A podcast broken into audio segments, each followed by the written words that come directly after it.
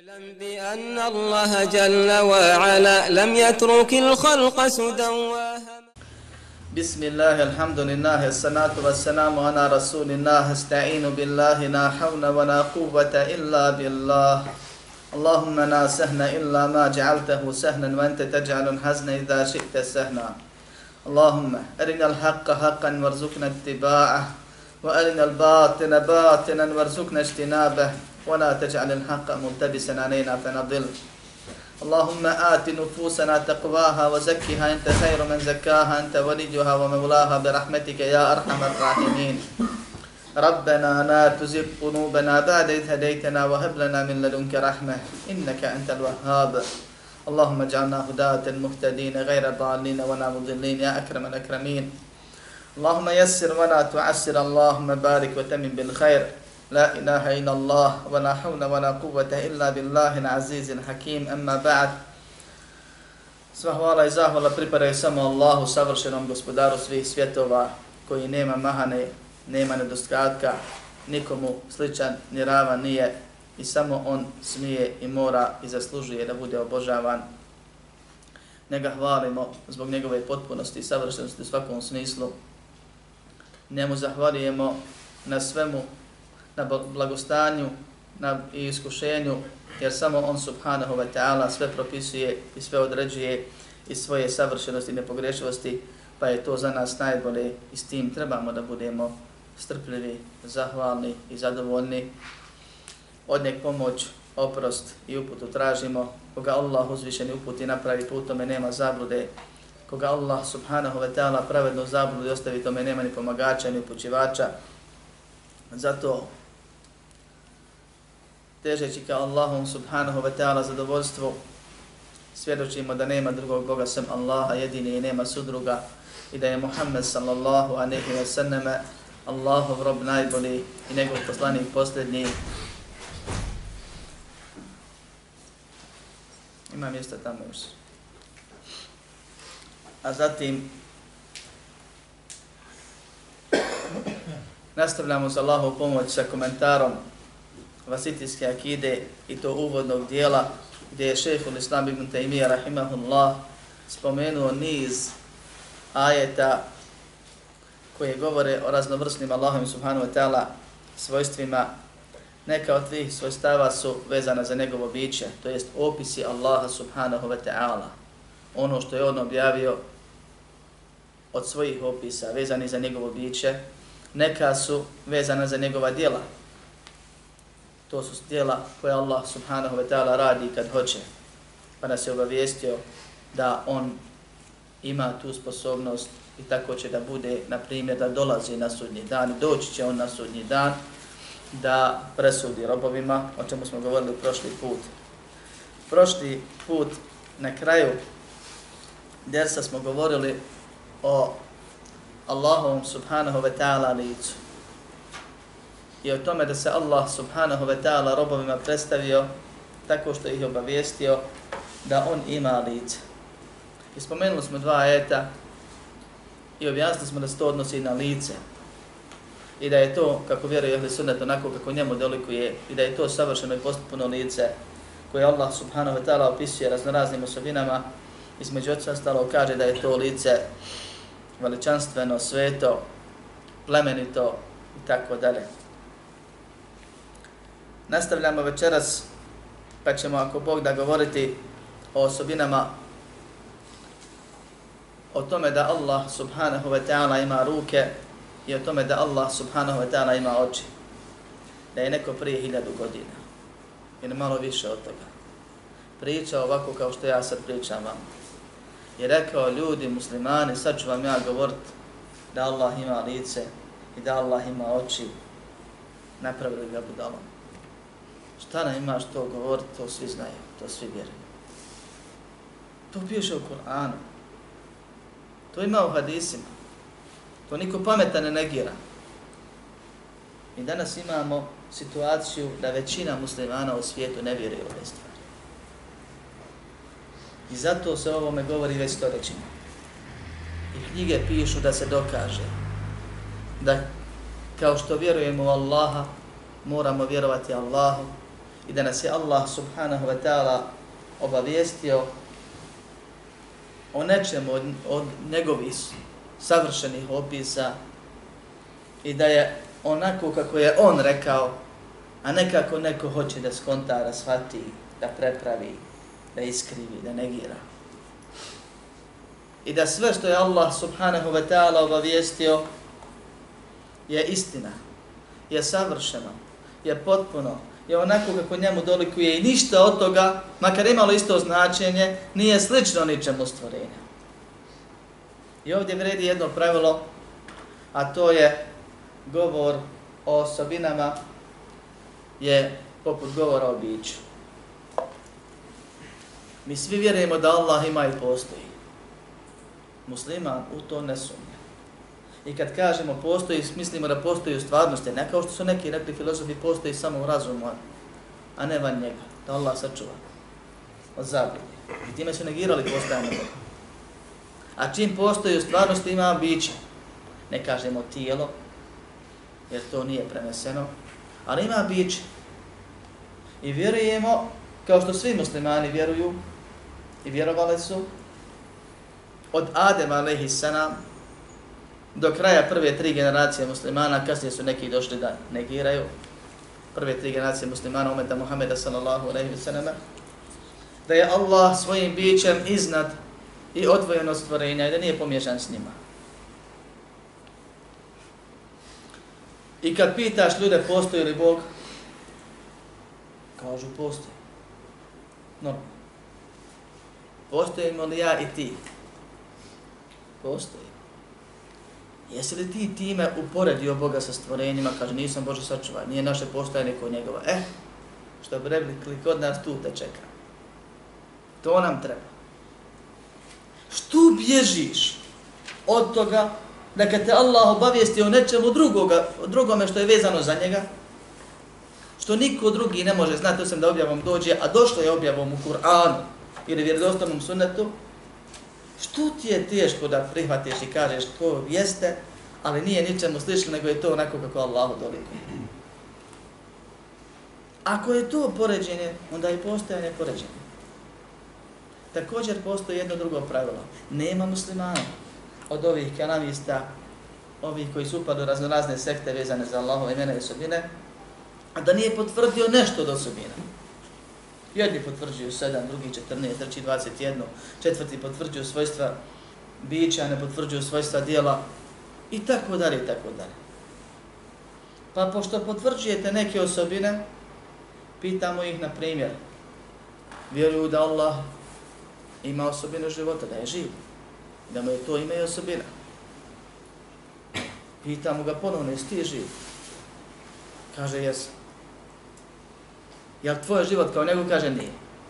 Pa kako je to Allah živ, kaže, kako njemu dolikuje? Otkud znaš? Tako vjerujemo, to je od vjere i tako dalje, došlo je u obje. Opet kažemo, e, tu te čekam. Jer sve ono drugo što je isti taj gospodar u istim tim tekstovima svetim koji su došli objavom objavio, na isti kalup trebaš da prihvatiš. I završeno. Pa se kaže, govor u nekim svojstvima je kao govor u ostalim svojstvima. Vjeruju da Allah čuje i vidi, a ne vjeruju da Allah dolazi ili spušta se na ovozemaljsko nebo ili da se uzdiže iza darša. Allah u Kur'anu i sunnetu rekao da čuje i vidi. Allah i Kur'anu i sunnetu. Kaže mu sunnetu Allah rekao je sunnet objava koju Allah objavio Muhammed s.a.v. on nama prenio. I namjer što radim, nije greška. Allah u Kur'anu i sunnetu obavijestio da se on spušta isti izvor od onoga koji ne laže, a to je gospodar savršeni, zašto jedno vjeruješ, drugo ne vjeruješ? Pa su ljudi došli i rekli, nema Allah lica, ne ovdje. Govorili smo o licu, a nismo govorili o užitku gledanja Allahovo lice, to je šejh ostavio za kraj. Pa će o tome biti govor ako voda kasnije. Možda na proljeće ako Jer ima niz osobina prije toga i vjerujemo da Allah ima lice jer on subhanahu wa ta'ala opisao lice. I ne kažemo da je lice dio Allahovog bića. Jer Allah nije sastavljen iz dijelova. Nećemo koristiti taj izraz. Ali mi znamo šta je lice. i kažemo da je to od opisa na Allahovom biću. Znamo šta je lice, ne moramo biti. Samo bježimo od tih izraza, tržimo se izraza samo koji su došli u šerijskim tekstovima. Jer su ljudi često pogrešili preko izraza i koristili neke druge izraze, pa ih je to navelo kasnije kad skontaju da su pogriješili u izrazima, da negiraju osobinu. Prvo su se pogrešno izrazili, pa su onda neki nakon njih shvatili da je to greška, da bi mogli imati negativno značenje, Allahu nema ništa negativno, pa su se vratili na tome da negiraju Allahu osobinu. Pa kažu, drugi nema Allah lice. To je njegovo zadovoljstvo, to je ovo, to je ono, počnu da prepravljaju. Jer ako bismo rekli da Allah ima lice, kaže, mi bismo tim oporedili Allaha za stvorenjima. Vraćamo se na ona dva pravila. Govor u biću je govor kao govor osobinama i govor o nekim osobinama obavezuje nas da tako isto govorimo o drugim ostalim osobinama. Po oba pravila I ono glavno pravilo, mi smo vjernici zato što vjerujemo. Prvi opis vjernika u Kur'anu, na početku sure Bakara je da vjeruju u gajbu, vjeruju nepoznato. Vjerenici smo zato što vjerujemo. Kome? Allahu subhanahu wa ta'ala njegovu poslaniku. Oni su obavijestili ovu stvar i to je istina. I u to sumnjenje. I također vjerujemo da u Kur'anu stoji lejse ke mithlihi šej, njemu nemšta nije slično. I na osnovu toga, i to je temelj svih temelja u ovome. Šta god Allahu potvrdimo, to je potpuno onako kako njemu dolikuje. Kažu, nema Allah ruku. Ne možemo to potvrditi. To, nego ćemo mi to protumačiti, pa ćemo reći to je moć, to je pomoć, to je ovo ili ono. Jer Allah rekao moć ili pomoć u ajitima koji ćemo spomenuti ili ruke, kaže rekao je ruke, ali znate moramo pobjeći, ne moramo pobjeći, moramo vjerovati. Kažu, također za oči kojima je Allah subhanahu wa ta'ala sebe opisao u Kur'anu. Ne smijemo to potvrditi. Ne smijemo to vjerovati. Pa su učenjaci bili priseljeni da to spomenju u knjige akide, u knjige vjerovanja. Da pojasne ono u što nije bilo sumnje kod pismenih i nepismenih, naukih i učenih muslimana u prvim stoljećima. Ljudi su to vjerovali fitrom, prirodom i kogod pročita Kur'an ili čuje nešto od dersa ili ajete, čuje na namazima kad se uče, dovoljno mu je bilo da povjeri u to. Pa ćemo ako Bog da početi sa komentarom ova tri ajeta koji govori o Allahu subhanahu wa ta'ala osobina, o osobina Allahu subhanahu wa ta'ala ruku i tri ili četiri ajeta koja su spomenuta vezana za Allahu subhanahu wa ta'ala oči ponovno napominjem, da ne bude, bude zabune. Sve što vjerujemo i sve što je Allah spomenuo da ima od onoga što ima i druga stvorenja, to je savršeno potpuno onako kako njemu dolikuje. Svi vjerujemo da Allah vidi i svi vjerujemo da Allah sve vidi. I svi vjerujemo da mi vidimo i vidimo onoliko koliko nam je Allah dopustio. Ne vidimo svi jednako u ljudskim domenima, nekom je vid slabiji, nekom jači. A kamo li da vidimo nešto što čovjek inače ne može vidjeti? I tako sve druge osobine, kakve su, onakve kako Allahu dolikuju, savršene, potpune, ne znamo, niko nije vidio, ali vjerujemo u to. Zašto? Zato što je to Allah rekao.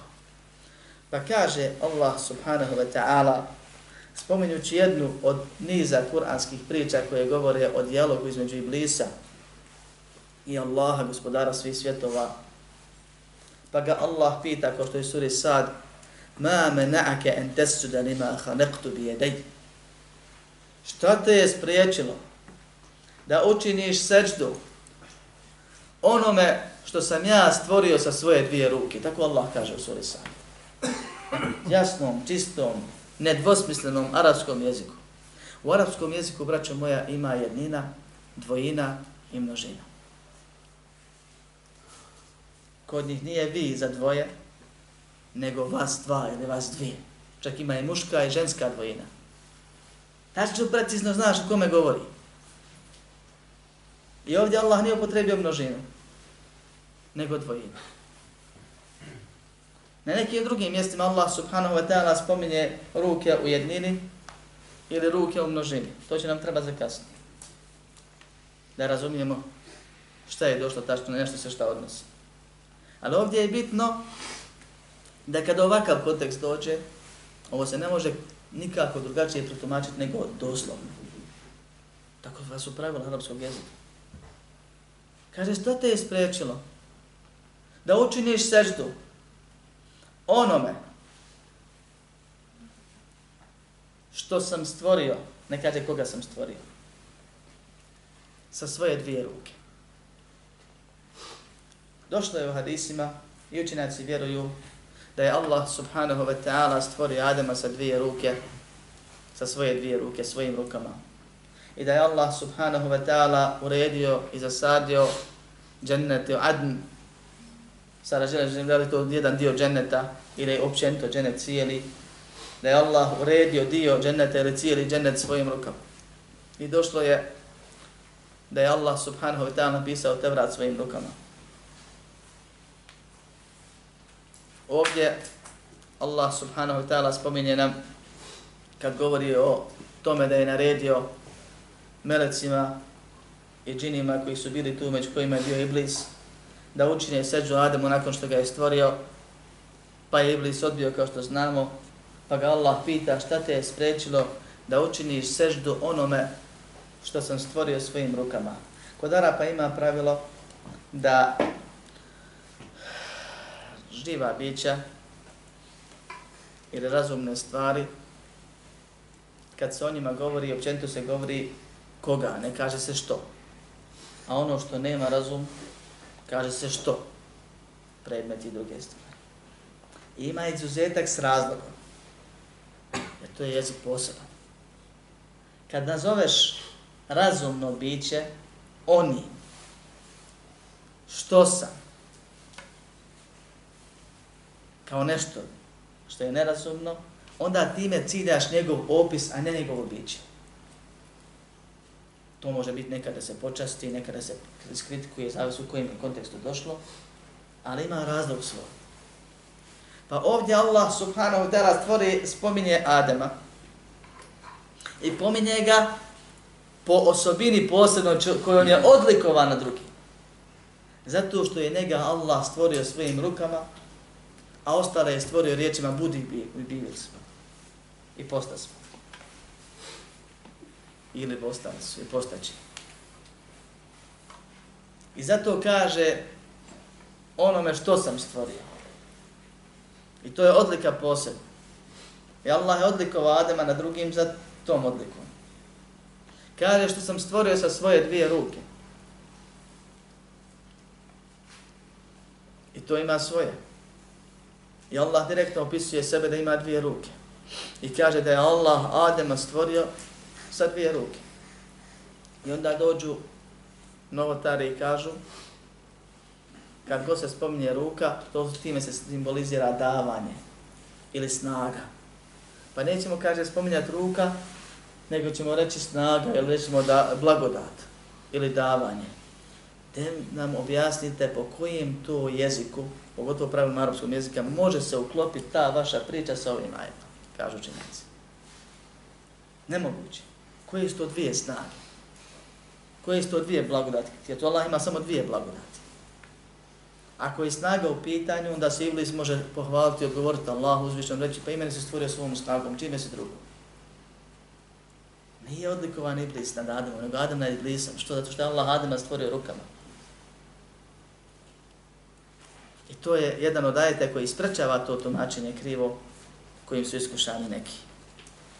Pa iz ovog ajeta vidimo prije svega to što je cilj ovih predavanja u ovom segmentu, da Allah subhanahu wa ta'ala ima ruke i da su one dvije. Zatim Allah subhanahu wa ta'ala spominje, kao što je običaj u Kur'anu, da spominje raznorazne vrste nevjernika i njihove osobine i povezanost krivog vjerovanja sa krivim djelovanjem i krivim ponašanjem. Pa ovdje spominje jevreje, jevreje i kaže rekli su jedu Allahi maglule, Allahova ruka je stisnuta. Nakon što su iskrivili te vrat i pisali, dopisivali u njemu ono što su htjeli, što je godilo, pokvarili su se u vjerskom i moralnom smislu.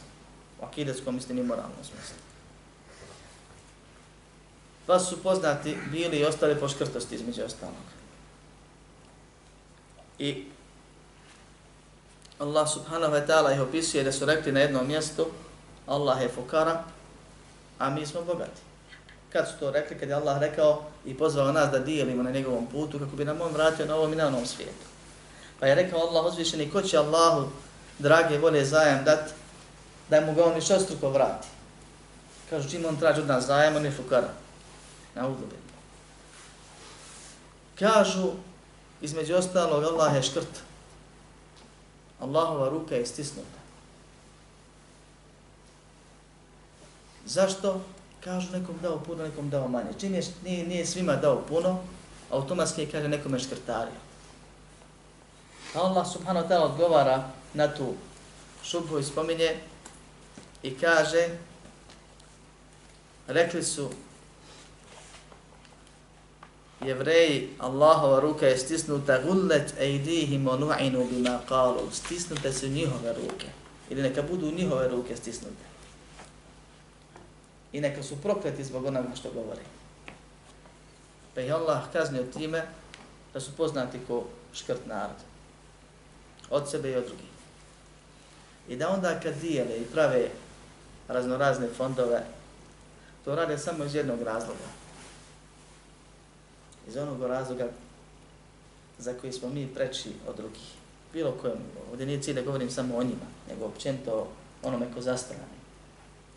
Oni su se uvjerili i znaju ono što nama Allah subhanahu wa ta'ala na više mjesta u Kur'anu I poslanik sallallahu alejhi ve sellem u mnoštvu vjerodostojnih hadisa govori da što više daješ, više imaš. Što više dijeliš, više imaš. Pa i onaj ko voli imeta kad se uvjeri da mu se metak počeo povećavati dijeljenjem, onda mu počne da dijeli. Ne, ne radi Allahova zadovoljstva, radi onog svijeta, nego mu se poveća, vidi da mu ide. Da je to put. Pa ljudi znaju prije nekog posla velikog, kad dogovaraju nekakve poslove, velike biznise i tako dalje, znaju da udjele velike pare kako bi dobro prošli tamo. I krene ih. I to je Allahov zakon na zemlji. Bio vjernik ili nevjernik, ko više daje, više ima. I Allah subhanahu wa ta'ala čovjeka kad počne primjenjivati ovo pravilo nevezano, je li on iskren, je li on hoće ahirat ili dunjalu, za kratko vrijeme izbavi iz stanja onoga kome se pomaže onoga koji pomaže. I to je doprobano i takvi znamo puno i prije nas, i danas, i bit će to ako do sudnjega. I to je Allahova blagodat. وَلُعِنُوا بِمَا قَالُوا Prokleti su neka, zbog onoga što su rekli. Pa su one od onih na koji se Allah rasrdio i koji je Allah prokleo, kao što spominje više mjesta u Koranu. A profesor znači da je navane da Allahove milosti, što znači da čovjek mora biti kaznen za tu stvar. Ako se ne pokaje bel je dahu mebsutatani yunfiku kejfe ješa, nego su, kaže, njegova obje ruke ispružene, što aludira na darežljivost, kojim je Allah subhanahu wa ta'ala opisan, kad kaže, Iqra wa rabbuke al-ekran, uči, tvoj gospodar je najplemenitiji, najdražljiviji. Kaže Allahu poslanik sallallahu alejhi ve sellem u vjerodostojnom hadisu sahihu, jedu Allahi mal'a. Allahova ruka je puna. Saha'ul lejni van nahar. Dijeli puno. Obila to dijeli danju i noću. Kaže Allah subhanahu wa ta'ala u hadisku cilju, kad bi se i prvi i posljednji i ljudi i džini sakupilo na jedno mjesto, sakupilo na jedno mjesto, pa me zamolili svaku svoju potrebu, pa ja kad bi svima ispunio istovremeno sve potrebe, ništa se ne bi umanjilo od moje vlasti. Osim, kaže, koliko se umanji kad iglu umočiš u more. Šta uzme igla od mora? Ništa. Allah subhanahu wa ta'ala ima sve i daje svima sve. I došto je u hadisu, zar nisi vidio koliko je Allah subhanahu wa ta'ala udjelio kako je stvorio nebesa i zemlju? Pa ništa to nije umanilo nego ono što ima kod njega. I Allah subhanahu wa ta'ala drži ruke ispružene dijeli i danju i noću i to obilno. Ali kasnije posle toga kaže yunfiku kayfa yasha daje kako on hoće. Allah subhanahu wa ta'ala je savršeni gospodar. I radili smo osobinu njegove mudrosti. I naučili smo da Allah sve što radi, određuje, naređuje, propisuje, radi to iz mudrosti, mnogobrojni, koje on poznaje. Mi nemamo njegovo znanje i ne možemo da njegove mudrosti. I ima kuranski ajet u koje, iz kojeg se razumije jasno, govorio sam ga više puta, da Allah ljudima daje onoliko koliko im je dovoljno. Nekome da da više propao bi, nekome da uskrati propao bi. Allah te sa tvojim životom iskušao dovoljno dobro da na osnovu tvog života, tvog imetka, tvog zdravlja, tvojih blagodati iskušenja možeš na vrh dženeta ili na dnu džehenema. Tamam ti. I kad Allah ti ide nekom poveća, nekom smanji. I tad je najispravnije za njega i najbolje. Jer Allah je savršen, Allah ne greši. Zato kaže, nis, nije on škrt, pa je zbog toga nekome dao manje, a drugome više nego dijeli kako on hoće a on hoće sprem, njegovi, sprem mudrosti koje on poznaje, a mi ne znamo, mi ne razumijemo. Ja za se pita, mi bi već dženet ovdje imali, ali za dženet treba raditi, pa će se imati tamo. A opet da nas se pita, nas to bi ne zemlje. Kao što je poznato, kad ljudima daš malo više, kako nastane belaj, još na ovom svijetu, prije onog svijeta. Pa ovdje Allah subhanahu wa ta'ala spominje sebe i opisuje da ima dvije ruke i da su dvije ruke ispružene i da dijeli, a da dijeli kako on hoće, a ne kako mi mislimo da treba. I to je ono što je dovoljno da ovdje spomenemo od ajeta vezanih i hadisa što sam spomenuo usput vezanih za zato da mi vjerujemo, kao su vjerovali muslimani od pamti vijeka, da Allah subhanahu wa ta'ala ima ruke. I da ima dvije ruke. I došlo je u nekim ajetima kad se kaže u Allahovim rukama. I da Allahovim rukama. Množina. I ovdje Allah nije negirao kad su rekli Allahova ruka je stisnuta, nije negirao tu formulaciju Allahova ruka. Jer je poznato u arapskom jeziku kad se jednina, pri, pri, kad se jednina pripiše nekome ili doda nekome od, od nekih bića, onda to ima općenito značenje. Nije ne da se tu broj, nego osobina. A množina, kad je došlo učenjaci, je tumačena na dva načina, kažu, time se hoće reći, ili po jednom od dva mišljenja, da je najmanja množina u arapskom jeziku dvoje, ili također vrsta s tim da množina odgovara u nekim situacijama više, jer se time hoće pohvaliti više, kada je pitanje da rešljivosti neke druge stvari. A kada je u pitanju preciznost, kada je Allah htio da precizno odgovori i objasni neke stvari, onda je spomenuo tečno kako jeste, to je dvojina. Pa kažu islamski učenjaci, na to da Allah ima dvije ruke ukazuje Kur'an i sunet i konsenzus prvih generacija muslimana, svi su bili na tome stavu i to je ispravan stav da Allah subhanahu wa ta'ala ima dvije ruke onako kako njemu dolikuje. Kaže Allah u poslanih sa sam jednom drugom hadisu, tumačeći riječi Allaha subhanahu wa ta'ala وَمَا قَدَرُ اللَّهَ حَقَّ قَدْرِهِ وَالْأَرْضُ جَمِيعًا قَبْدَتُهُ يَوْمَ الْقِيَامِةِ وَالسَّمَوَاتُ مَطْوِيَاتٌ بِيَمِينِ Oni Allaha ne veličaju kako ga treba veličat, nisu ga spoznali kako ga treba spoznat, a cijela zemlja će biti u njegovoj šaci na sudnjem danu, a sva nebesa ili sva i nebesa sva su u njegovoj desnoj ruci. Došlo je u hadisu da će Allah subhanahu wa ta'ala uzeti nešto od stvorenja kao smo govorili u desnu ruku, a nešto u drugu. U jednoj predaj stoji u lijevu, a u trećem hadisu stoji Allah ili svemilosni, obje, obje ruke svemilosnog su desne ruke. Pa sjeća se neko kako spojiti između ovoga? Kako ovo tumačiti? Da li Allah ima reci?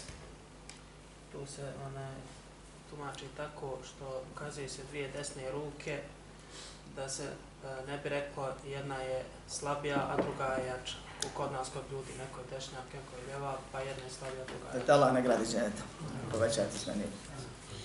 Dakle, ispravljan stav je da Allah subhanahu wa ta'ala ima dvije ruke lijevu i desnu, kao što je došlo u opisima, a ima i drugo mišljenje, koji su rekli, kažemo, dvije su desne i ne razmišljamo dalje oko toga, sigurnije i tako kažu. A ovo, obje ruke su desne, da se otkloni, znači moguća šubha, da neko pomisli da je jedna slabija od druge, kao što je to kod ljudi, nego su obje potpune. I Allah subhanahu wa ta'ala nas je obavijesti o tome i mi to vjerujemo. I učenjaci prvi generacija muslima su bili složni na tome. I tu nije bilo razileženje dok neko nije izmislio novotariju da bi to moglo biti poređenje, pa hajdemo negirati, pa prepraviti, pa onda ubaciti nešto od sebe, pa reći moć ili pomoć, pa to je nespojivo sa ajetima, hadisima, koncenzusom, razumijevanjem, pravilima arapskog jezika i mnogim drugim stvarima. Allah subhanahu wa ta'ala kad nas postiče na, dijel, na dijeljenje na Allahovom putu, na pomaganje drugima, na pomaganje njegove vjere, spominje ili objavljuje svom poslaniku Muhammedu sallallahu alaihi ve sallame da kad čovjek udijeli sadaku, makar bila u pitanju jedna datola, Allah je uzme u svoju desnu ruku, pa je kaže odgaja, umnožava, kao što neko od vas svoj metak umnožava, ili svoje stade, kako je već došlo u hadisu. Dok ona ne raste poput brda ili planine, a zatim se to stavi na, na vagu na sudnjem danu. Što govori o vrijednosti sadake. Taj hadis koji je propi objavljen da postakne na sadaku, mi kažemo da, hadis je objavljen da postakne na sadaku. I ovi ajeti govore o Allahove darežljivosti i o Allahovim blagodatima. I hadis u kojem se spominje da se Allah spušta na ovo nebo i pita ima li ko da traži oprosta, ima li ko da dovi da mu dovolim i tako dalje. Prije svega su objavljeni da nas postaknu da ustajemo u, taj, u tom dobu, tom dijelu noći, da molimo, da tražimo, da dijelimo i tako dalje. Ali mogao je Allah reći ja primam dove u zadnjoj trećini noći pa me molite nego je objavio da se on spušta i približava. Pa nije ispravno reći, bitno je dovit, a nije bitno šta ono prvo znači. Nego treba Allahu vjerovati u prvom i drugom dijelu, ne samo kad nama treba, kad nama godi. Tako i ovdje. Da, Allah postiče ovim stvarima na djenjenje, zabranio je škrtost nama i tako dalje, ali je pri tome spomenuo da on ima ruke. Jesu njegove ruke otvorene, jesu njegove ruke pune, da dijeli danju i noću. Hoće od nas ujedno da vjerujemo u tu informaciju. Da ga spoznamo, jer što Allaha bolje spoznaš, ispravnije mu i bolje robuješ. Nakon toga je šeheh spomenuo ajete koji govore o tome da Allah subhanahu wa ta'ala ima oči. Pa kaže Allah subhanahu wa ta'ala naređujući poslaniku wasbir li hukmi rabbike fa innaka bi a'yunina. Osaburi izdrži na Allahovim propisima. Ti si kaže pod našim očima. Ili naše oči su s tobom kad bi bukvalno prevodili. Allah subhanahu wa ta'ala često u Kur'anu spominje i govori za sebe u množini. Zato što je Allah subhanahu wa ta'ala objavio Kur'an na arabskom jeziku, a običaj Arapa između ostalog je bio kad se neko veliča ili kad nekog veliča da ga se persira ili da sam sebe persira. Kod nas u našem jeziku je to malo drugačije, nekad je negativno, nekad nije, ali Allah objavio Kur'an na arapskom i kod Arapa je to potpunost. Allah je onaj koji svu veličinu posjeduje i svo veličanje zaslužuje i on sam sebe veliča i traži od da ga veličamo, pa kaže mi za sebe. Što ne znači da ih ima više, nego da on, subhanahu wa ta'ala, onaj koji se veliča sam sebe i koji moramo veličati. I ovdje kaže naše oči, govori o sebi. I koristi u množini. Kaže osabori na Allahovim propisima. Šta to Allah propisuje? Šarijat. Sudbeno. Ko je u pravu? Da se kloniš harama? Svi. Koliko da se rodina hoće, svi ste u pravu, jeste Boga. Allah je propisao sudbinu i šarijat. A u šarijetu su naredbe, obavijesti naredbe i zabrane. Obavijesti se mora vjerovat, Boga mi treba osaboriti, pa izvršavati naređeno, ustrajati, izdržati cijeli život, da primjenjuješ ono što je propisano. I treba osaboriti pa se sustegnuti od zabranjenog. Ostaviti ono što ti duši godi, što tijelo traži, što svi radi, a ti ne smiješ, radi Allaha. I treba osaboriti također na takozvanim udarcima sudbine. I sve je to od Allaha subhanahu wa ta'ala. Na iskušenjima. I kad Allah naređuje osabori na Allahovim propisima, znači osabore na naredbama, osabore na zabranama, osabore na iskušenjima. I to one tri vrste sabora koje se vade i taj propis izlači između ostalog iz ovog ajeta kao što spominju komentatori Kur'ana. Kaže fe inneke bi a'junina mi te gledamo svojim očima, ako hoćemo prevesti onako kako značenje ukazuje, a ne doslovno. Allah subhanahu wa ta'ala poručuje, poručuje poslaniku o samim tim inama. Radi, ja te gledam. Kad radiš dobro, trud se radiš kako treba i ja te gledam. Kad hoćeš u haram, ostavi ga, ja te gledam.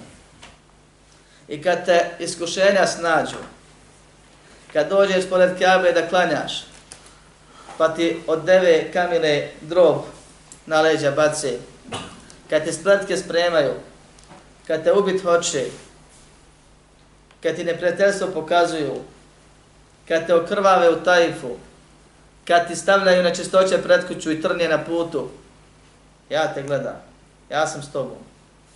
Osaboj, ne boj se. Izdržat ćeš jer ja sam ti to iskušenje propisao, ja ne opterećujem preko mogućnosti. Sve su to poruke. Ali mogu je Allah reći ja te vidi, pa da kažemo vjerujemo u Allahovu osobinu vida, a ne moramo, ne potvrđujemo niti negiramo oči jer nisu došle u Kur'anu i Sunnetu. Nego Allah ovdje spominje i kaže ja te gledam svojim očima, pod mojim si okom, što bi rekli kod nas. Pa nam potvrđuje i obavještava da on gleda i da gleda očima.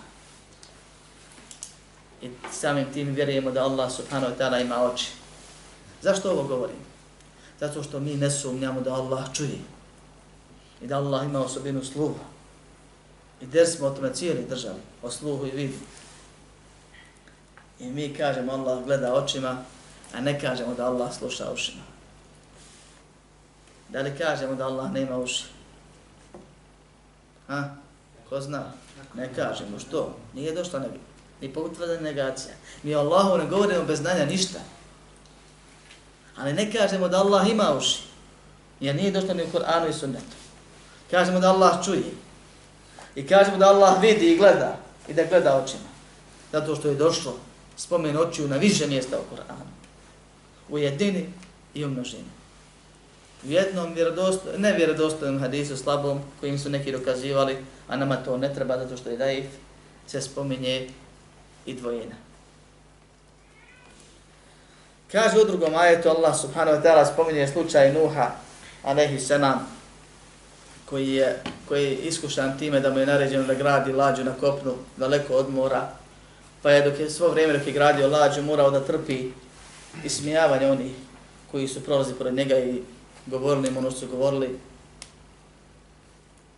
Pa je u jednom momentu rečeno mu neće niko više te tvoje vjere, to što ti pričaš, to niko neće prihvatiti čava pričaš. Pa je zavapio i zadovio Allahu subhanahu wa ta'ala, rekao, enni maglubun fantasir, savladan sam, pomozi me. Pa je Allah naredio da gradi lađu, pa je se gradio lađu, pa je Allah dao potop, znamo svi tu priču, istini tu. Pa kaže, وَحَمَلْنَاهُ عَلَى ذَاتِ الْوَاحٍ وَدُسُرٍ Mi smo ga, kaže, ponijeli na onome što je izgrađeno od ploča i drvenih eksera. Spasio im Allah život na drvetu u vidu ploča i eksira. I to potopio sve ostale na zemlji koji se nisu našli na pločama i na ekserima drvenim običnim. Bili su možda u, u kamenim zgradama, dvorcima, bili su nečemu jačim, ali nikad im je rečeno pravi lađu od drveta, jedni su htjeli i pravili, a drugi su odbili. Kad je rečeno peni se na lađu, spasit ćeš se, oni koji su vjerovali, navikli da vjeruju i da po vjerovanju djeluju, oni su rekli dobro, sad se to od nas traži, kad se kaže klanjaj podne mi klanjamo, kad se kaže posti Ramazan mi postimo, kad se kaže pravi brod mi pravimo, kad se kaže penj se na brod mi se penjemo, vjernik si, navikao si. Nego sin kaže ja ću na brdo, neću na lađu. Brdo je veći. Pa mu to nije pomoglo. Vjernik je vjernik zato što vjeruje i po vjerovanju djeluje. I to je uzrok spasa na ovom i na ovom svijetu. Nije bitno čime ćete Allah spasiti. Je to čvrsto ili, sta, ili nešto labavo? Ili stabilno ili nestabilno? Ako Allah kaže budi bit će, dovoljno. Pa kaže ponijeli smo ih na tome teđri bi ajunina koja je plovila pod našim očima. S našim očima koju smo mi gledali svojim očima dok plovi i nije mogla potonuti. Kaže Allah subhanahu wa ta'ala. Jaza'an lima ka, men kane kufera. Kažnjeni su po jednom tumačenju, kažnjeni su oni i to je bila kazna onima koji su nevjerovali. Ili to je bila nagrada onima koji su ulažu tjerivani, kad su pitani vjernici. Jer je Allah subhanahu wa ta'ala potopio tim potopom sve one koji nisu vjerovali. I kod Allaha nema bliži i dalje. To što je poslanikov sin nije ništa koristilo nego je ostao ibret do sunnjeg dana svima nama. Pa ovdje Allah kaže da je ta lađa plovila, kao što kaže gospoda se dan za sebe, pod našim očima, s našim očima, to je gledao sam ja i motrio na tu lađu očima, pa potvrđuje, obavješta nas da ima oči, makar negirao, neko negirao i mi vjerujemo da Allah ima oči. A usto nam govori ono što je ciljano, da je Allah motrio na tu laž. Pa kad nađe do tefsirima, da ovo znači da je Allah motrio na, na, na, na, na tu lađu, to je istina. Mi to vjerujemo. I to je cilj ajed. Ali ujedno je i obavijest da Allah ima oči. I u to vjerujemo i to je istina. Mogu je Allah reći ja sam gledao tu lađu. Ili ja sam čuvao tu lađu. Nije nego je rekao onako kako je rekao, zato što od nas hoće da vjerujemo ono što on rekao, što je objavio. Pa je bitno se ovo razumije i da mnogi nakupe tako tefsira, neki koji su spomenuti onako radi nekog drugog razloga, pa autor tefsira koji je bio na sunnetu, na ispravnom vjerovanju, spomenuo ovdje se cilja vid. Nije on time negirao oči, nego je htio reći šta je glavna poenta i oni uzmu neka, evo i on je bio na tom stavu, i on je negirao oči, i on je tumačio i tako dalje. Ne, nego je on spomenuo ono što je spomenuto, kao što je slučaj sa spuštanjem i malo prizam spomenuo primjere. Allah subhanahu wa ta'ala kad govori o još jednom poslaniku, opet spominje oči. Spominje priču o Musa alaihi salam. Svaka ova priča zaslužuje dar za sebe. Ili niz darsova. Musa alaihi salam. Faraonom najveći neprijatelj. I da stvar bude gora i poraz bolni, Allah mu pokazao usnu kako će završiti i on se trudio da spriječi. Ali ima jedno pravilo. Iza ja al qadar ami al basar. Kad dođe kadar, zaslijepi pogled, kažu učinjaci. Ima jedno drugo pravilo. La yugnen hadaru min al-qadar. Ne koristi oprez protiv sudbine. I to moramo znati što će biti, bit će. Mi moramo da se čuvamo ali se neće sačuvati od onoga što ti je propisano te zadesi. Kod Kad bi te svi čuvali. Šeha Abdul Kerim Hudajr spominje jednu priču koju spomenuli prije nas učenjaci u svojim dijelima da je čovjek usnio da će oženiti prostitutku koja je počinila sto puta blud i da će umrijeti povodom ili sebebom, uzrokom pauka. I ne znam prvi dio sna sam zaboravio kako ide, jer on je znao kome se radi. Kad se rodilo to dijete i kad je vidio te znakove koji su viđeni u tom prvom dijelu sna, naveo ga je šetan da uzme nož i probode stomak toj bebi pobjegne skroz u drugu državu, kako bi spriječio to što se desilo. Pa je živio decenijem u drugoj državi, stekao veliko bogatstvo i po drugim identitetom se vratio u svoju zemlju, smatraš da je to završena stvar. Pa je rekao tamo nekoj uglednoj i poznatoj ženi, nađi mi najljepšu djevojku ovdje u kraju, hoću da je oženim. Najljepšu ženu. Ne zanima me koja je, samo da je, da je najljepša od svih.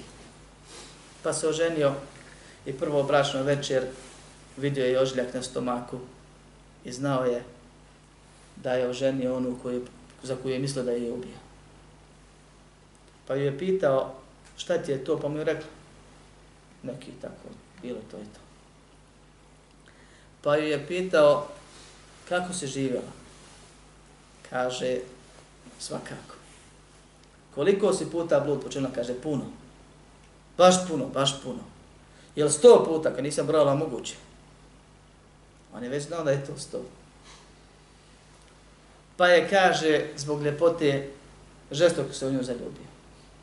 Umjesto da je se kutariše na vakat. Jer je suđeno da bude ono što biti mora. Jer je opasnost kad ljudi popuštaju vjeru zbog nekih ciljeva, ako biva on će nešto kasnije popraviti, da može sebe pokvariti. Pa je, kaže, naredio i uložio svo svoje bogatstvo da se napravi dvorac za nju poseban od mrmera u koji ni pauk ne može ući. Pa je došao jedne kuće, jedne prilike kući i vidio ženu kako plače i kaže da je ujeo pauk našao put, mora naći. Pa je nešto se desilo što se desilo s, to, s tom ranom, raširilo se i povodom toga je umrla. Pojenta je da oprez, koliko god se ti trudio, protiv onoga što je Allah odredio, ne može ništa koristiti. I to nam daje smiraj u životu. Kad se nešto desi, smiri se, moralo se desiti. Nastavi dalje. Tako je faraon usnio da će biti smaknut do strane sina, djeteta od iz tih Benu Israila. Pa je između ostalog počeo da ubija svu mušku djecu, pa su skontali će ostati tako bez robova, pa su jednoj godini ubijali, jednoj ne. Allah je uredio baš u toj godini da se rodi Musa a.s. Pa se niz stvari desilo za koje Allah kaže wa alqaitu alayka mahabbatan minni wa litusna'a. Prosuo sam kaže na tebe, bacio sam na tebe, spustio sam na tebe ljubav od mene i da odrastaš pod mojim okom. Pod mojim budnim okom.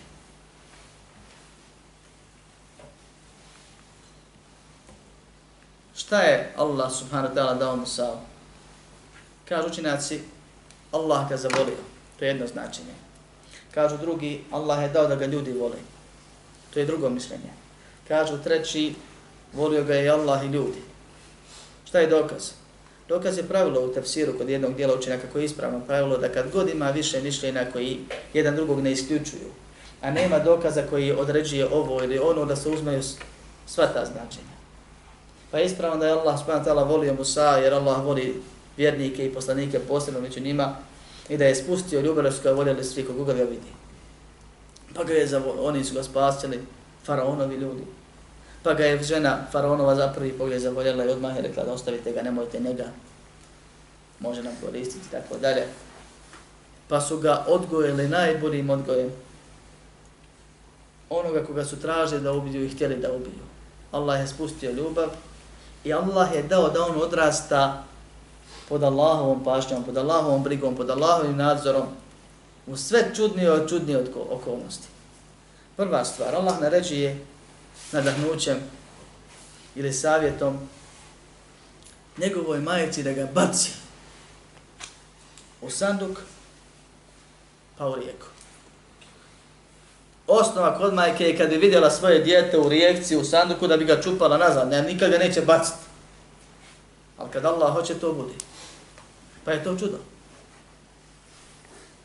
Pa ga je bacila da bi ga spasila. Uz obećanje da će joj biti vraćen. Da li to bilo usno, ili je bilo nadahnuće, ili je bio neki savjet u vidu meleka u ljudskom liku, ili od ljudi. Uglavnom ona je znala i bila ubiđena će biti vraćen. Ali ipak priroda radi. Pa ga je bacila. Pa je Allah dao da ga voda ne proguta, nego da ga izbaci i da ga nađu. Pa nije da da ga nađe neki drugi iz iste narode, iste porodice, pa da ga ubiju kod njega. Umjesto kod svoje majke. Nego da ga nađu faraonovi ljudi. Pa je Allah dao da ga prihvate od njega. Pa da odrasta na dvoru. I da odrasta kod onoga čiji će sebe smrti smaknuća biti. Zatim ga Allah čuvao svo to vrijeme. Zatim Allah zabranio da hoće bilo čijem mlijeko se mlijeko svoje majke. Pa mu Allah kao bebu već vratio majci. Allah ga kao bebu vratio majci već. Odmah ubrzo. Pa Allah dao da zajedno odrastaju tu. I Allah je dao između ostalog da on prijeđe i more, a da faraon njegove vojske ne prođu na kraju. Poznate nam također priča, ali kad gledamo sve te detalje, to su čudo na čudima. Jer Allah kaže, ti ćeš odrastat pod mojim nadzorom i spomenje tu svoje oko. Pod mojim oko. Kad se kaže oko, ili jedinka, jednina, pripiši se, pripiši se nekom biću, u Allahskom Arapu je cilj osobina, a ne broj. Dakle, da Allah ima oči i da tim očima gleda. Međutim, ovdje postoji razlaženje kod Selefa, da li Allah ima više očiju, ne znamo koliko, dva ili više, ili Allah ima isključivo dva oka. Jer nije došlo u dvojini kao kad su u pitanju ruke. I kad bismo rekli da Allah ima više očiju, zato što je to osnova, na osnovu ovih ajeta, mi ne bismo time Allaha ružnim smatrali, jer Allah je savršen, mi to uvjerujemo i ničemu nije sličan. I sve što Allah sebi, o, o sebi obavijesti je potpuno. I u tome će ljudi uživati. To što mi ne možemo da skontamo je naš problem i naša mahana, naš nedostatak, naša nemogućnost. I zato nije isključeno ima uleme koja kažu Allah ima više očiju, ne znam koliko, možda dva, možda više. Jer se razila za učenjaci da li je najmanja množina dvoje ili troje u arabskom jeziku, osnovu. Pa neki kažu ovdje se cilja dva oka, zato što je najmanja množina dvoje. Neki kažu hadisi tumače direktno, ali hadis je slab. Neki kažu hadisi tumače indirektno, o tome ćemo pričati malo kasnije. A neki kažu osnova je više, troje. Množina, ne znamo koliko. Nije rečan broj, rečeno da ima oči. Pa nećemo reći ni dva, ni tri, ni pet, nego ćemo reći da Allah ima oči. I onaj ko bude gledao Allaha subhanahu wa ta'ala dženetu, vidjet će i tu stvari, u njom će uživati a dotad vjerujem. Kao mnoge druge stvari što vjerujem u njiha ne znamo o Allahu subhanahu wa ta'ala.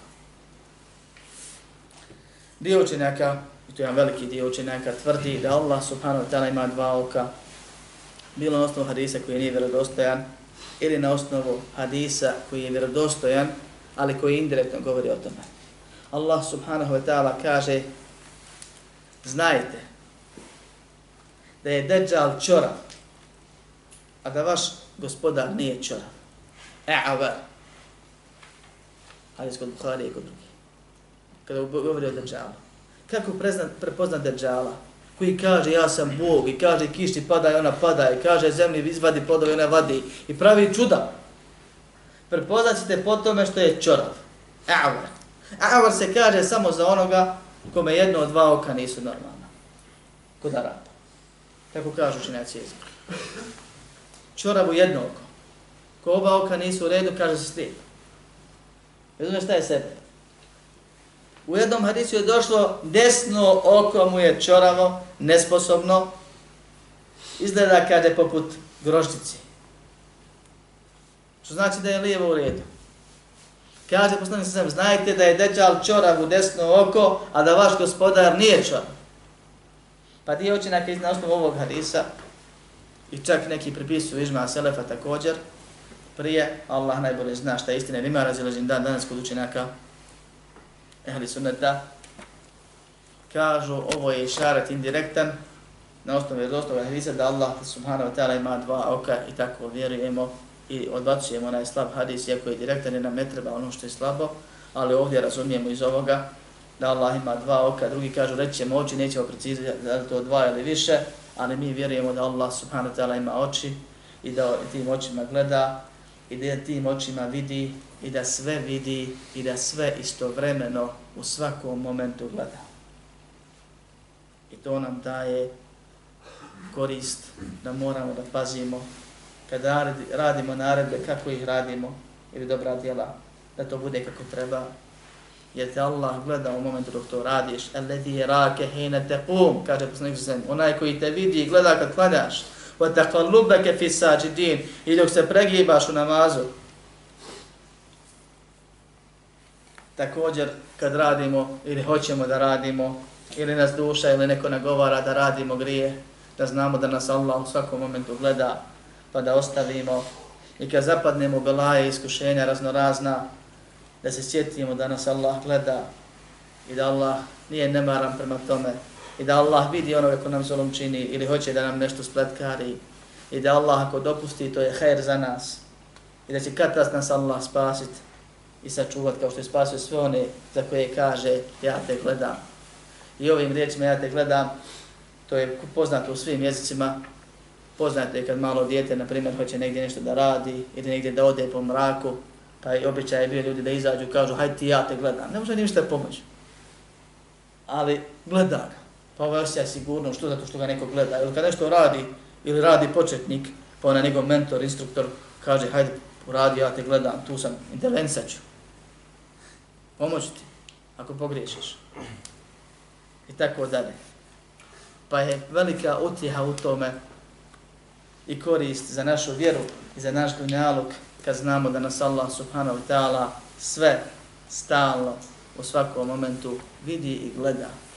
I kad insan bio svjestan toga da ga Allah stalno gleda, bio bi muhsin, bio bi ulija, bio bi od onih koji Allah obožavaju kao da ga vide, jer znaju da ako on ih ne vidi, onda ako on njega ne vidi, onda on ih vidi. Pa molim Allaha subhanahu wa ta'ala da nas uputi napravi put, poveća nam vjerovanje i poveća nam znanje o njemu subhanahu da nas pomogne da dok živimo sebi i drugima dobro činimo, a kad preselimo na smrtne muke budu zadnje muke koje osjetimo, da nas uvede u džene sačuva džahennema. Amin. Walhamdulillahi rabbil. اعلم بأن الله جل وعلا لم يترك الخلق سدى